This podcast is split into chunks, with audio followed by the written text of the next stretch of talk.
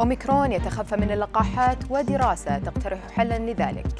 لهذه الأسباب يجب عدم نسيان شرب كمية كافية من الماء في الشتاء. العمل من المنزل يزيد مخاطر ارتكاب الأخطاء ولكن لماذا؟ أبرز أخبار الساعة الأربع والعشرين الماضية في دقيقتين على العربية بودكاست.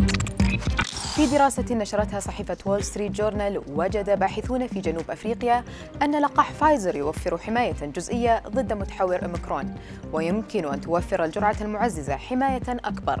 وأظهرت دراسة أجريت في جنوب أفريقيا أن كورونا أوميكرون يمكنه التهرب جزئيا من الحماية التي توفرها اللقاحات المضادة لكورونا فيما أكد علماء أن اللقاحات تحمي من المرض الشديد.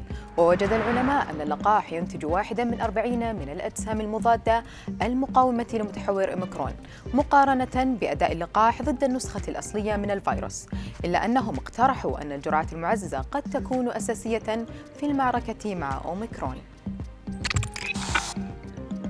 مع دخول فصل الشتاء وبدء انخفاض درجة الحرارة يميل الكثيرون إلى تناول كوب من مشروب ساخن في الصباح أو وعاء من الحساء الساخن مع الوجبات إلا أنهم ينسون شرب الماء. ولكن بحسب ما نشره موقع بولد سكاي فإن عدم تناول كميات كافية من الماء يوميا يجعل الإنسان عرضة للجفاف ومضاعفات أخرى بسبب نقص المياه في الجسم. واستعرض التقرير بعض الفوائد المذهلة لشرب المزيد من الماء خلال فصل الشتاء على رأسها.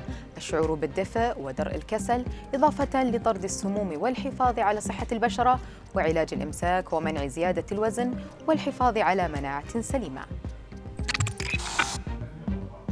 منذ بدء جائحة كورونا لجأت العديد من جهات العمل إلى تحويل عمل موظفيها من المنزل لكن دراسة أجرتها جامعة إيراسموس في هولندا تقول إن ذلك يزيد من خطر ارتكاب الأخطاء مقارنة بالعمل من المكتب.